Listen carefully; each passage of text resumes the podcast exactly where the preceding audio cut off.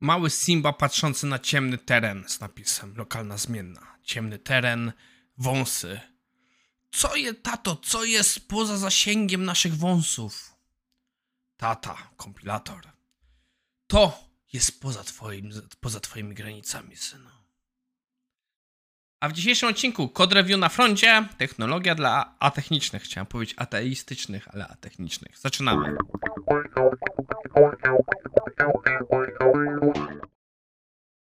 Cześć, nazywam się Maciej Wyrodek, a to jest odcinek na przyznam się nie wiem kiedy, muszę sprawdzić, 23 maja 2022.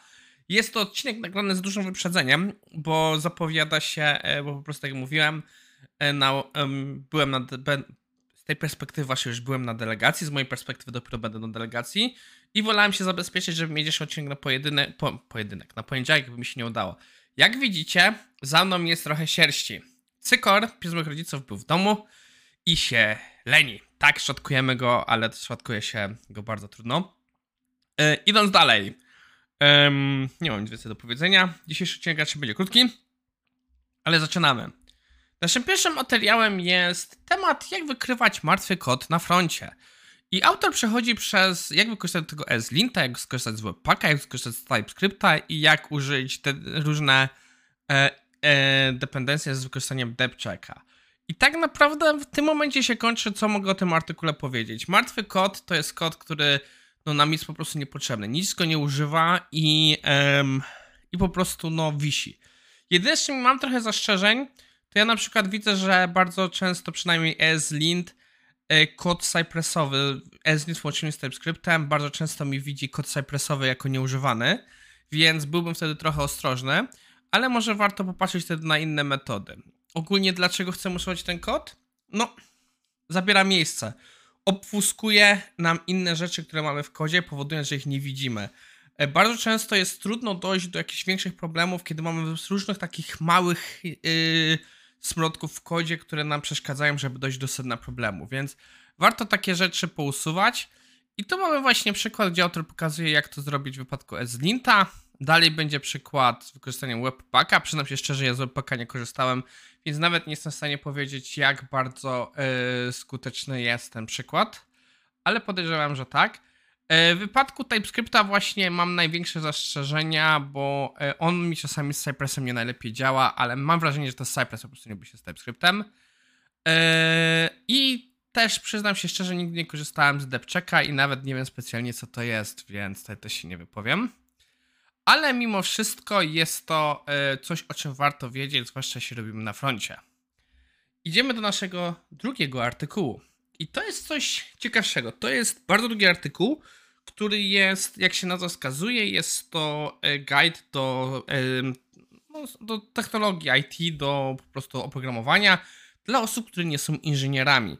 I autor, autorka zaczyna od tego, że uważa za bardzo y, niefajną radę dla takich osób, żeby im po prostu powiedzieć, że po prostu zacznijcie kodować, uczcie się kodować. I uważa tą a, radę za błędną. Chwileczkę, muszę się napić.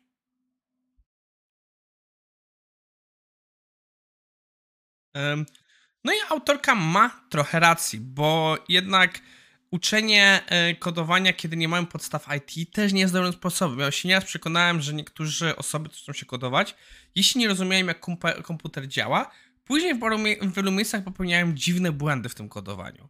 Ja jednak z reguły jestem tak, żeby w pewno uczyć się jakiejś takiej biegłości z komputerami, to mam na myśli, co się dzieje pod spodem, zanim uczymy się kodować. I ja najczęściej kieruję do pewnego kursu na Harvardzie, żeby się z nim zapoznać, ale to jest niestety dość rozbudowany kurs, więc takie wprowadzenie to jest o wiele krótsze.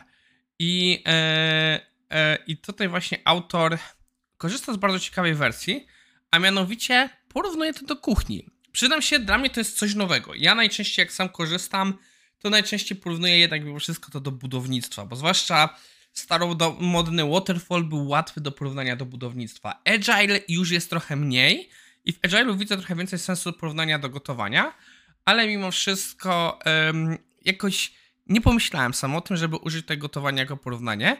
I e, autor właśnie dzieli takie rzeczy na, że mamy w kuchni takie rzeczy, jak e, mamy, naszą, mamy nasz przepis, mamy naszą przestrzeń do pracy, mamy kucharza, mamy różne e, narzędzia w kuchni, No i mamy miejsce, gdzie trzymamy nasze składniki czy nasze potrawy. I wraz z czasem, jak ktoś tutaj autor przechodzi, tłumaczy wiele rzeczy i później robi właśnie fajne przekształcenie tego, że po prostu pokazuje nam, że nasza recepta to jest oprogramowanie, naszym kucharzem jest procesor, y, naszym miejscem pracy jest pamięć, głównie RAM i że mamy tutaj nasz system operacyjny, mamy naszą przestrzeń na dysku i tak dalej. Nie jestem na 100% pewien, czy to jest super dobre porównanie, tak jak się zastanawiam nad tym, ale z drugiej strony na tym poziomie abstrakcji wydaje mi się, że jest to akceptowalne. Nie, nie wiem, jak macie jakieś zastrzeżenia, to w sobie możecie dać w komentarzach, bo będę ciekaw. I e, autor następnie wchodzi coś, co było takie dla mnie trochę bardziej e, e, dyskusyjne, że właśnie oprogramowanie jest bardzo jak food business, czyli po prostu różne restauracje i tak dalej. Nie jestem pewien, czy się w tym w pełni zgadzam, ale autor buduje tutaj całkiem dobre porównanie. Znowu, moim zdaniem, trochę zbyt spłyczone e, na nasze potrzeby, ale ten diagram właśnie, moim zdaniem, fajnie to działa, że mamy e, tutaj właśnie, jak sobie go tutaj zobaczyłem, przypomniałem, że ja sam to używam, że ja bardzo często, jak na przykład mówię, jak działa API, to porównuję to właśnie do, kuchar- do e, kelnerów i kucharzy, że mamy właśnie nasze frontendowe rzeczy, mamy nasze web API wystawione, czy nasze różne Androidy, nie Androidy, apki, smartwatche i tak dalej, które rozmawiają z naszym serwerem. I tutaj właśnie lata kelner, a później następuje już wymiara w kuchni, czyli tam już zarządza powiedzmy kucharz. E, no i oczywiście, jeśli mamy opcję, że, e, że idziemy do kasy, żeby zamówić, bo nie lata kelner, to wtedy uderzamy bezpośrednio po do kucharza. E, bardzo fajny artykuł, bardzo rozbudowany. I co fajnie, autor w pełni rozumie, że to jest duży artykuł. I tak mniej więcej bym powiedział w połowie, mówi, że jeśli się zmęczyłeś, weź sobie chwilę na przerwę. Pierwszy raz spotkałem czegoś takiego w takim artykule i to jest super sprawa. Um, kto wie? Wiem, że parę osób e, nietechnicznych czasami nas oglądają. E, to bardzo jestem ciekaw ich opinii na temat tego artykułu, ile z tego wyniosą, bo to może być coś bardzo ciekawego.